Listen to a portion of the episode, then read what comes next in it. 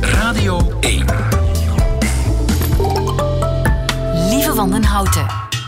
Nieuwe feiten. Dag en welkom bij de podcast van Nieuwe Feiten, gebaseerd op de uitzending van 20 maart 2020.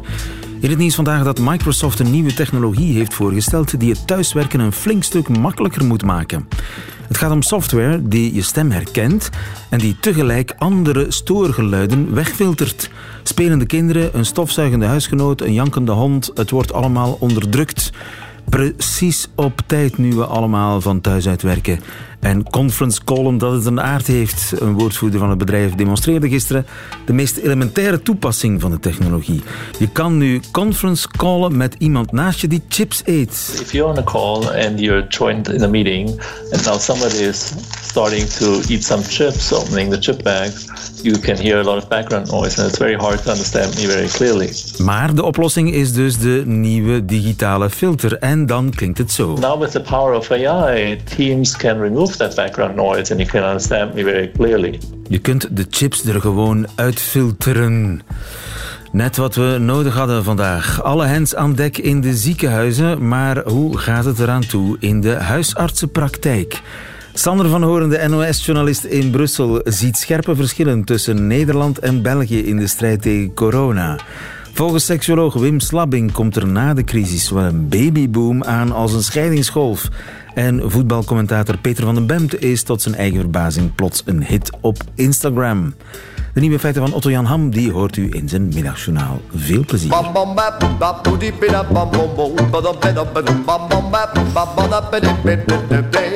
Nieuwe feiten.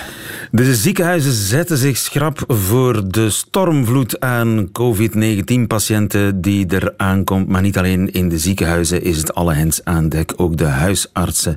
Die draaien overuren. Goedemiddag, dokter Jens. Goedemiddag, lieven. Jens de Dekker van huisartsenpraktijk Benger in Hansbeke. Hoe druk is het voor jou? Goh, het is uh, zeer hectisch momenteel. Een uh, toestroom aan telefoons. Maar momenteel lukt het wel nog. Dus vooral druk aan de telefoon. Is het ook druk in de praktijk zelf?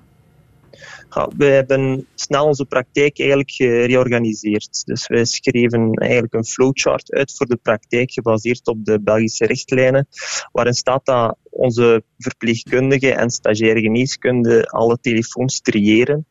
Via telefoon of via videoconsultaties wordt eigenlijk de continuïteit van de chronische zorg voorzien. En patiënten met respiratoire infectieuze symptomen, die worden eigenlijk volgens de richtlijnen getrieerd. Ja. Dus zo kunnen wij via de organisatie en de structuur wel uh, ons hoofd boven water houden. Ja, dus dat betekent dat het inderdaad vooral uh, conference call is en, uh, en skypen en telefoneren en via op afstand, eigenlijk op afstand je patiënten bijstaan. Dat is eigenlijk de, de standaardpraktijk op dit moment. Klopt, klopt. Bij echt zorgwekkende toestanden of als wij een, een klinisch onderzoek uh, onderzoek noodzakelijk achten, dan um, verwijzen we wel naar de lokale triagepunten waar dat de dokters momenteel uh, ter plaatse klinisch onderzoek kunnen doen. Ah, er zijn speciale plaatsen, triageplaatsen georganiseerd. Klopt. De stad Deinze heeft eigenlijk uh, in lokaal of in onderling overleg een uh, lokaal triagepunt voorzien waar dat elke huisarts zijn, um, zijn patiënten met verdachte symptomen kan naartoe sturen. Ja, ja. Dus alles eigenlijk om die wachtkamer coronavrij te houden, neem ik aan. Ook. Klopt. Klopt, want buiten de coronasymptomen zijn er inderdaad nog, eh, nog mensen die andere symptomen um, hebben en andere urgente zorg uh, wensen. Dus ook die moeten wij momenteel kunnen, kunnen helpen in onze praktijk. En die is gegarandeerd uh, virusvrij op die manier? We proberen alle maatregelen te nemen, inderdaad, um, om die virusvrij te houden. Zijn de mensen in paniek, Jens? Zijn je patiënten in paniek? Ik heb wel het gevoel dat de mensen goed geïnformeerd worden. En um, mensen zijn uiteraard of stellen heel veel vragen en, en, en, zijn inderdaad wel een beetje in paniek. Maar um, bij ons kunnen ze altijd terecht als ze vragen hebben. En ik geloof dat dat ook bij de collega's uh, zo is. Ik merk um, heel veel solidariteit eigenlijk bij de collega's onderling. Ook verpleegkundigen, studenten geneeskunde melden zich spontaan aan om, om te helpen en om informatie te geven aan de, aan de bevolking. Dus dat is wel, dat is wel zeer goed. En heb je het idee dat er veel vermoedelijke coronapatiënten tussen jouw patiënten zitten? Ja, elke patiënt met acute respiratoire symptomen moeten we eigenlijk behandelen als, uh, als het ware als een corona-verdachte patiënt. Ja, en acute respiratoire um, problemen, daarmee bedoel je gewoon uh, hoesten? Hoesten inderdaad, uh, tekenen van kortademigheid. Um, dat zijn eigenlijk de belangrijkste, belangrijkste symptomen. En heb je enig idee om hoeveel mensen het gaat? Je bent arts in een, in een, ja, een dorp? Dat is zeer moeilijk in te schatten. De cijfers zijn zeer moeilijk in te schatten. Momenteel um, testen wij de mensen ook niet meer, tenzij dat ze zeer ernstig ziek zijn. Dan worden ze getest in het ziekenhuis. Maar, um, Heb je al veel mensen doorgestuurd naar het ziekenhuis? Um, dat valt momenteel nog mee. Ja, dus eigenlijk is dat een, een, heel klein getal voor een gemiddelde huisartsenpraktijk op het platteland. Mensen naar het ziekenhuis doorsturen is nog altijd een heel beperkt aantal. Maar uh, er zijn wel heel veel mensen op dit moment thuis aan het uitzieken, waarvan we niet zeker weten dat ze uh, COVID-19 uh, hebben, maar waarvan we mogen uitgaan dat ze het hebben. Want ja, griepale symptomen hebben op dit moment. Ja, het is 20 maart, de griep is eigenlijk voorbij, hè? de gewone griep. Klopt, het is al vrij laat om inderdaad een gewone griep te krijgen. Um, maar voor ons als huisarts is, is, is, het echt zeer belangrijk om, uh, om op de juiste manier te triëren en om, om de om spoedgevallen en de ziekenhuizen zoveel mogelijk zoveel te ontlasten. Dat de eerst, en zou je ja. kunnen zeggen dat in elke straat wel een, uh, een vermoedelijke coronapatiënt zit uit te zieken? Goh, in elke straat, dat is moeilijk te zeggen. Het zou kunnen. Het zou kunnen. Dankjewel, dokter Jens de Dekker. Goedemiddag. Alsjeblieft, dank je. Nieuwe feiten.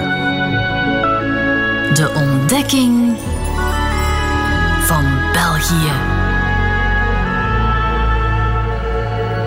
Sander, ik, ik hoorde jou hoesten. Ja, nou ja, mensen gaan ook nog gewoon verkouden zijn, maar ik, ik blijf wel thuis, ja. Je bent thuis, hoestend en al. Ja. Hoe gaat het? Ja, goed. Ik heb geen koorts, maar ik vind dat op afstand werken op alle mogelijke manieren maar niet. En uh, de, de aanname van de artsen is dan als je uh, hoest of snottert of niest, uh, dat je dan besmet bent. Dus nou ja, dat is dan maar even de, de, de uitgangsaanname. Ja, maar laten we ervan uitgaan dat je gewoon een klein beetje verkouden bent. Dat is, het, Ja. dat is het beste. En het komt op hetzelfde neer. Je moet gewoon toch thuis blijven. Dus dan kun je beter aannemen dat je gewoon verkouden bent.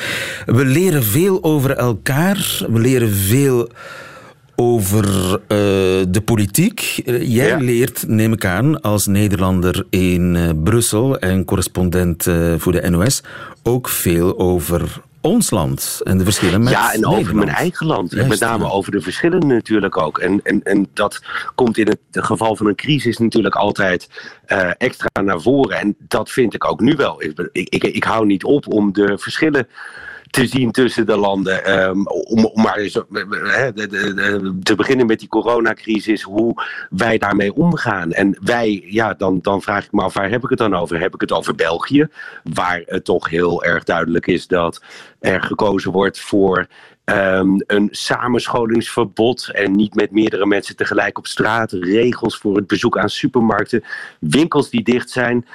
En Nederland die het toch allemaal een tandje lager doet. En wat ik dan fascinerend vind, lieven, is dat het allemaal gebeurt met een beroep op de wetenschap. Ja, dus op dezelfde wetenschap die Nederland andere keuzes doet maken dan, eh, dan België. Raar is dat, Ja. hè?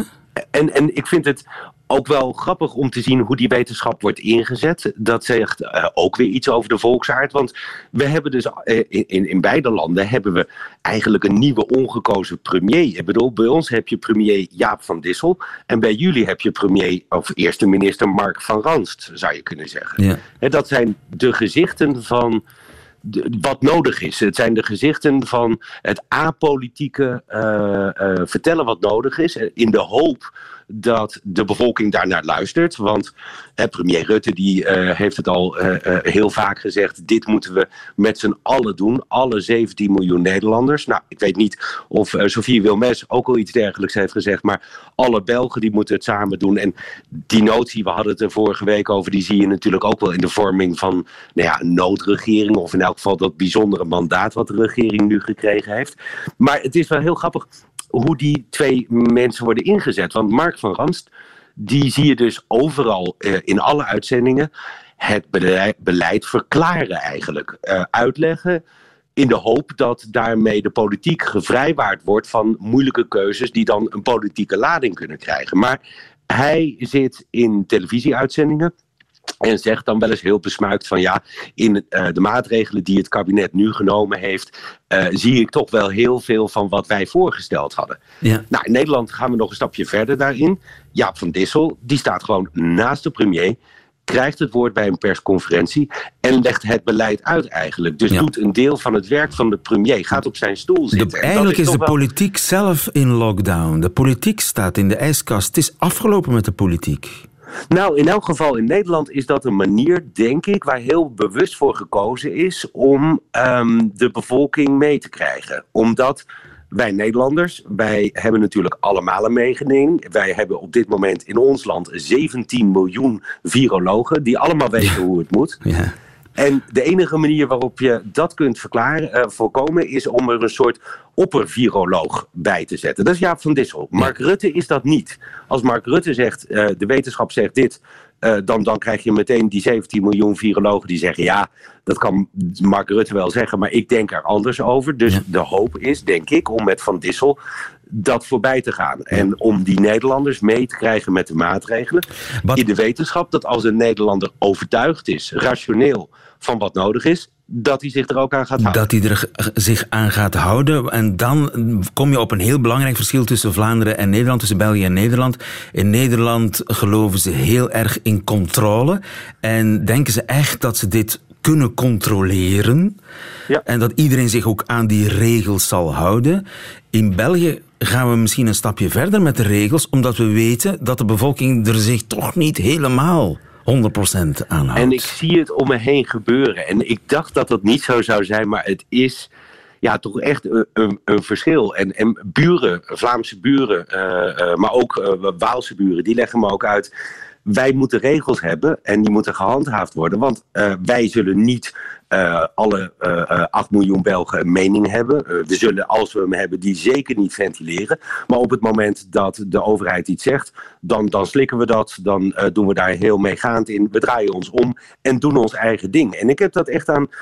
Ja, je ziet dat uit je raam gebeuren? Je ziet dat uit je raam gebeuren? Ja, buurvrouwen die inderdaad gewoon uh, weten dat je afstand moet houden. Maar ach ja, dat zijn de buurvrouwen en de regering zegt dat. Dus die gaan gezellig uh, uh, gearmd de straat op, laten de kinderen bij elkaar spelen. En op een gegeven moment maakte ik nog een gebaar van afstand houden, afstand houden. En dan wordt er een soort besmuikt gekeken. Ja, vervolgens doen ze hetzelfde. En de volgende dag kwam een van die buurvrouwen naar me toe. dat was de dag dat om 12 uur de verstrengde maatregelen ingingen. En toen uh, uh, echt tot 12 uur hebben ze doorgedaan met het gedrag en zich verontschuldigd tegen mij. En zei ik, ja, je moet je niet tegenover mij verontschuldigen, maar tegenover de verspreiding van het virus en de eventuele ouderen die zullen overlijden door wat je nu doet. Met andere woorden, je doet het niet voor mij. Je doet het omdat je denkt dat dat het goede is. En dat is het, echt het cruciale verschil, denk ik, tussen Belgen en Nederlanders. Als wij, Nederlanders, Hollanders, overtuigd zijn van iets wat goed is dan zijn we meer geneigd om ons daaraan te houden en om elkaar er ook op aan te spreken. Met dat opgeheven vingertje wat de Hollanders hebben, ik weet het. Maar om elkaar erop aan te spreken dan, dan Belgen. En misschien dat dat een verklaring is waarom de maatregelen hier wat strenger zijn. En de handhaving ook wat strenger dan, uh, dan in Nederland. Ja, zo uh, kom je eens iets te weten over ons land.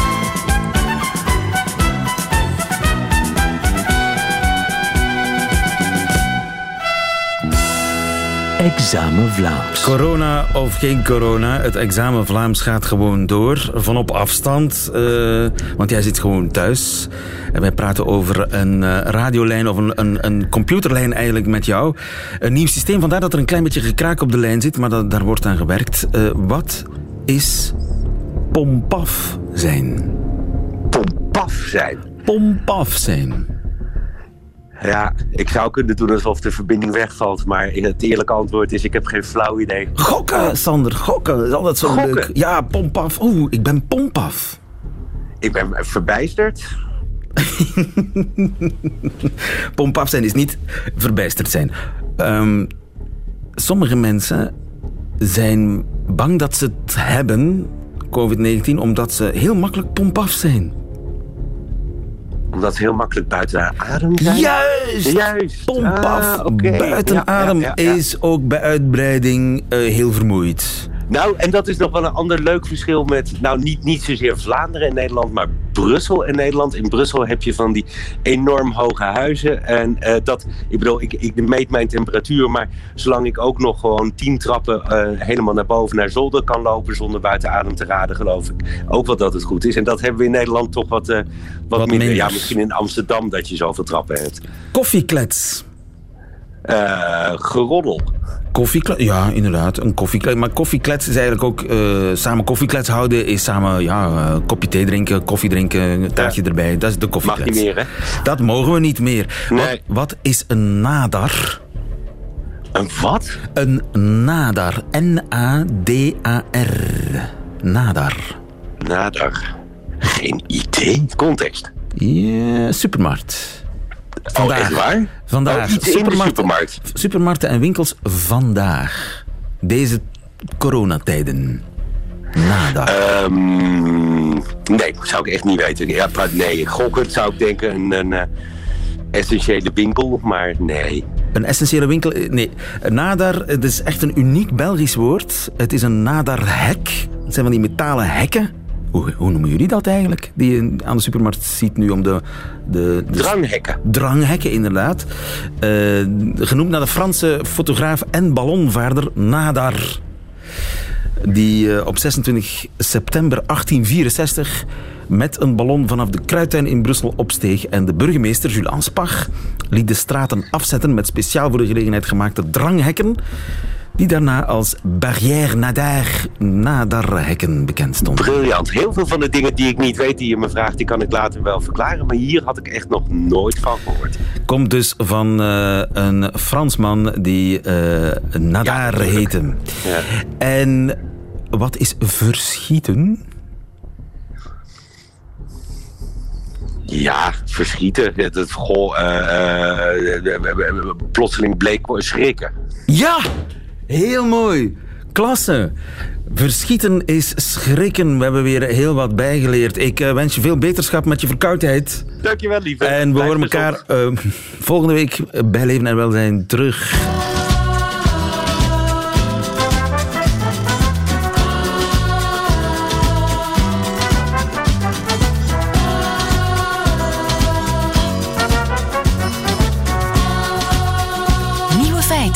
Wat wordt het, denkt u, na de lockdown? Een babyboom of een scheidingsgolf? Kan allebei. Wim Slabbing, goedemiddag. Hey, hey, goedemiddag. Onze favoriete seksuoloog. Wat denk jij, wat wordt het? Babyboom of scheidingsgolf? Uh, het is ja, een twijfelgeval. Je twijfelt, ik hoor het. Uh, ja, ja, ja. Het hangt er maar vanaf. Voor sommigen zeker wordt het een relatietest. Hè? Want ja, stel, je bent met z'n tweeën, je bent net samen gaan wonen, een klein appartementje, je moet allebei thuis werken. Boe, moeilijk, moeilijk. Ja, absoluut niet, uh, niet evident. Uh, nu, er zijn wel al onderzoeken geweest over hoe mensen uh, in periode van crisis omgaan met intimiteit, met seks. er is in 89, 1989 een orkaan geweest, orkaan Hugo. En daaruit bleek dat uh, dus na, na de orkaan, uh, nadat de crisis over was, dat de mensen weer een beetje op hun gemak kwamen, dat er meer huwelijken waren en meer baby's. Hè. Dus dat is iets dat, waarvan je zou kunnen zeggen, oké, nu gaat het ook die richting uit. Maar een orkaan is natuurlijk niet besmettelijk en een virus wel. Hè. Dus dat, dat maakt het tot een uh, twijfelgeval. Ik denk dat het mogelijk wel beide richtingen uitgaat. Uh, dat we uh, en meer huwelijken krijgen, meer baby's, dat weet ik niet zeker, maar ook meer scheidingen. Ja, dus het is de ultieme relatietest. Het, het is erop ja. of eronder. Ja, of ergens tussenin. Letterlijk en figuurlijk. Uh, absoluut. Uh, nu, ik denk in deze tijden uh, dat het heel belangrijk is dat we daarbij gewoon ons gewoon, gezond verstand gebruiken. Hè. dus het betekent dat seks zeker mag, zeker kan. en ruimer gezien is intimiteit denk ik heel belangrijk in deze periode. Uh, ik denk dat deze periode eigenlijk een uitgelezen kans is om onze intieme band te versterken, omdat we weten dat uh, knuffelen, en in het verlengde daarvan uh, ook seks, het beste medicijn is tegen stress, depressies en eenzaamheid. Dus we moeten daar echt wel gebruik van maken. Aha. Dus bij deze een warme oproep van de seksuoloog. Ja, een warme, gaan. Een warme, uh, zeker gaan, uh, maar niet noodzakelijk met de banaan, zou ik zeggen. Uh, met, maar waarmee dan wel? Uh, wel, uh, wij, zijn, wij mensen hebben heel uh, fijn besnaarde handen. Hè. Als je die goed ontsmet, kan je daar wonderen mee doen. er zijn tegenwoordig voor mensen die zich zorgen maken op seksueel gebied ook speeltjes, hè, die je natuurlijk ook kunt gebruiken. en met onze handen kunnen we natuurlijk ook onszelf bevredigen. Hè. En, en dat is wel heel belangrijk. Het is daar raak je een delicaat punt, hè? Ja, het is een moeilijk thema in relaties. Ik verschiet daar ook nog altijd van dat mensen in een relatie heel vaak niet van elkaar weten of ze masturberen of niet. Hè. Um, maar uh, in deze periode van crisis zijn er misschien wel iets uh, verregaandere maatregelen nodig. Ik denk dat het echt belangrijk is dat we nu en dan een keer uh, onszelf kunnen ontlasten. als het voor de partner moeilijk is, begrijpelijk, om nu seks te hebben uit, uit angst. Angst kan bijvoorbeeld voor zorgen dat je totaal geen zin hebt in seks. Hè. Voor anderen kan het net een drijfveer zijn om, om net wel te ontladen, om te ontspannen. Ik zou zeggen, wees maar mild en, en, en uh, zorg voor wat private space. Uh, maak het bespreekbaar. Ja. Uh, Wees een beetje mild voor elkaar, hoor ik. ja, absoluut. Ja, experimenteer, hoor ik als tip. Wel, Probeer eens iets anders. Je hebt nu toch tijd. Uh, wel, het is natuurlijk zo, uh, deze, in, deze periode van, van, in deze periode zijn we natuurlijk enorm op zoek naar veiligheid. Hè. Dus we, we, we sluiten ons op. Hè. Uh, we proberen, sommigen proberen te hamsteren, alles te voorzien. Um, maar de mens wordt ook gedreven door de nood aan avontuur. En we mogen dat ook niet ehm, uit het oog verliezen. Nu, dat betekent niet allemaal dat we seksueel erop moeten uh, losgaan en gaan experimenteren. Uh, het kan ook heel zinvol zijn, bijvoorbeeld op het, op het vlak van uh, connectie in de relatie te werken. Hè. Bijvoorbeeld, er zijn tegenwoordig heel, heel interessante apps. een voorbeeld is bijvoorbeeld van de Gottman Institute. Dat is een heel gerenommeerd Welk, welk instituut? Welk instituut? En, en, de Gottman Institute. Gottman. ja. Ja, dus Gottman met twee T's. En die uh, hebben een app ontwikkeld voor koppels, waarin je eigenlijk allemaal uh, connecterende vragen vindt om aan elkaar te stellen. Ik kan elkaar eens goed uh, uitvragen. Waar fantaseer je eigenlijk ja, over? Je kan Wat vind je op? ja, wat vind je op of wat wil je nog uh, maken uit het leven? Wat is er jou, voor jou belangrijk? Uh, het gaat over heel veel thema's, werk, liefde, baby's, uh, ja. gezondheid, wat dan ook. Het komt allemaal aan bod, het zit allemaal in mooie submapjes. Dus als je seks wat te hot vindt, dan, dan neem je gewoon een ander thema. Ah, en dan is de dat Godman-app, ja. dat ga ik onthouden. Want ja, er, er is nu tijd, tijd die anders gevuld wordt met allerlei lawaai en rush en gedoe -hmm. en op café. -hmm. En in de stilte van het eigen nest, de, het eigen kot, de lockdown, het lockdown-kot, kan er misschien iets, uh, iets bloeien. We gaan heel veel bijleren over elkaar, over onszelf in deze periode. En dat kan soms tot de conclusie leiden, ja, we passen echt niet bij elkaar. Is dat een probleem of misschien juist een zegen? Um, nee, ik denk dat dat uh, ook goed kan zijn. Hè. Um, ik, ik, merk wel bij de koppels dat ik begeleid waar het uh, wat moeilijker ging of gaat, hè, um, dat deze periode toch ook wel alles in perspectief plaatst. Hè. Uh, dat het soms toch weer makkelijker wordt om toch een beetje voor elkaar te zorgen, er een beetje voor elkaar te zijn. Dus ik zou. Je maakt van die mug geen olifant meer. Nee, absoluut. Ja. Het is inderdaad, uh, alles wordt inderdaad nu uh, relatief en, en, en dat is ook wel helpend. Hè. Ja. Um, het helpt en, en die consulten die verlopen telefonisch dan, nu?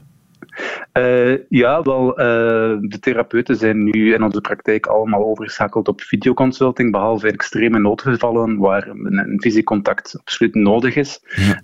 Uh, en ik moet zeggen, dat is eigenlijk ook heel fijn om te doen. Uh, ik doe nu mijn uh, therapie op pantoffels thuis. Ja. Mijn kat ligt hier een beetje verder. Ik hoorde een, een, therapeut zeggen ja. in een heel andere sector, psychotherapie denk ik, en die zei, ja, het is eigenlijk tegen de regels dat mm -hmm. telefonisch contact. Normaal gezien wordt, moeten we in één ruimte zijn, maar het gaat eigenlijk makkelijker. Ja, het heeft, uh, wel, de meningen zijn verdeeld. Uh, het hangt er een beetje vanaf hoe dat je je werk ook doet. Uh, natuurlijk is het non-verbale moeilijker. Nu, een videoconsultatie maakt het wel mogelijker, zeker als er een vast beeld is. Het is natuurlijk zeker niet hetzelfde, maar ik merk wel dat het ook wel bepaalde voordelen heeft. ik merk bij mezelf dat, ik, dat het soms wel ook is dat ik veel meer nog in het gesprek aanwezig ben, omdat mijn focus enkel ligt op datgene dat ik op, op de taal. scherm zie. En je laat je ja. niet afleiden ja, door... Ja. door -hmm de, de fysieke aanwezigheid van uh, wat dan ook. Wim Slabbing, dankjewel voor de tips. Ik ga aan de slag. Veel succes. Goedemiddag. Ciao, ciao. Nieuwe feiten. Van sociale media moest hij nooit iets hebben, maar nu is hij plots een hit op Instagram. Peter van den Bemt, goedemiddag. Goedemiddag. Onze voetbalman. 4000 volgers op Instagram. Hola, vier al. Bijna 4000, ik rond een beetje af. Ah, oké. Okay. En uh, voor maar een goede 30 berichtjes die je ooit gestuurd hebt, voor fair, mag ik vragen, heb jij een gescheurde jeans, tattoos, een sixpack? nee, helemaal niet. Nee, helemaal niet. Ik verbaas er mijzelf over, moet ik zeggen. Uh, maar uh, het is wel fijn. Ik ben begonnen ergens net na nieuwjaar, denk ik. Dus maar hoe doe je dat? Wat is, wat, heb je enige reden, heb je enige idee waarom je zo succes hebt? Um, wel, ik uh, kan eh, de, de expert, sociale media-expert uit de morgen citeren. Dus blijkbaar vinden mensen het wel leuk om uh, te zien hoe het leven van bekende mensen eruit ziet. Om vast te stellen dat dat net zo normaal is en alledaags als het leven van andere mensen. En, en wat bij mij al een paar keer het geval is geweest en bij mijn goede vriend en co-commentator Gert Verheijen ook. Mensen kunnen een keer zien hoe wij reizen en hoe wij werken als we bijvoorbeeld commentaar geven bij wedstrijden in de Champions League. En dat vinden ze blijkbaar interessant. Dat is eh, content, zoals dat heet, die wel aanslaat. Ja, zal dat, zijn, denk ik. Ja, een blik achter de schermen, dat werkt altijd natuurlijk. En maar jij moest eigenlijk nooit iets hebben van sociale media. Nee, nee, en uh, eigenlijk nog altijd niet. dus ik spreek mezelf nu een beetje tegen. Dus ik uh, ben inderdaad nooit uh, op Twitter geweest of Facebook. Of nooit op Twitter?